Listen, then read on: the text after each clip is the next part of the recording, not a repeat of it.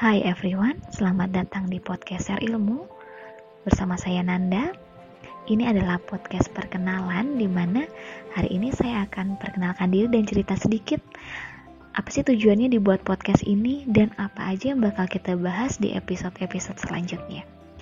Oke, untuk mempersingkat waktu, saya akan memperkenalkan diri. Nama saya Renanda Karolin.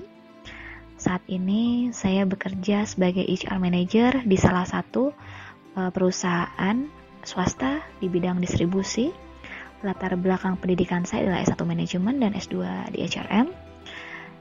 Dan saat ini uh, podcast ini dibentuk untuk membagikan ilmu dan juga uh, sharing banyak hal untuk teman-teman semua, khususnya untuk personal branding tentang leadership, skill dan juga komunikasi.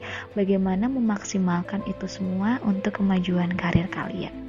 Tidak menutup kemungkinan untuk kalian para fresh graduate di luar sana, bagaimana sih belajar untuk mendapatkan value atau personal branding diri kalian agar dilihat oleh recruiter. Oke? Jadi, sampai bertemu di episode selanjutnya dan terima kasih sudah mendengarkan podcast perkenalan ini. Thank you so much.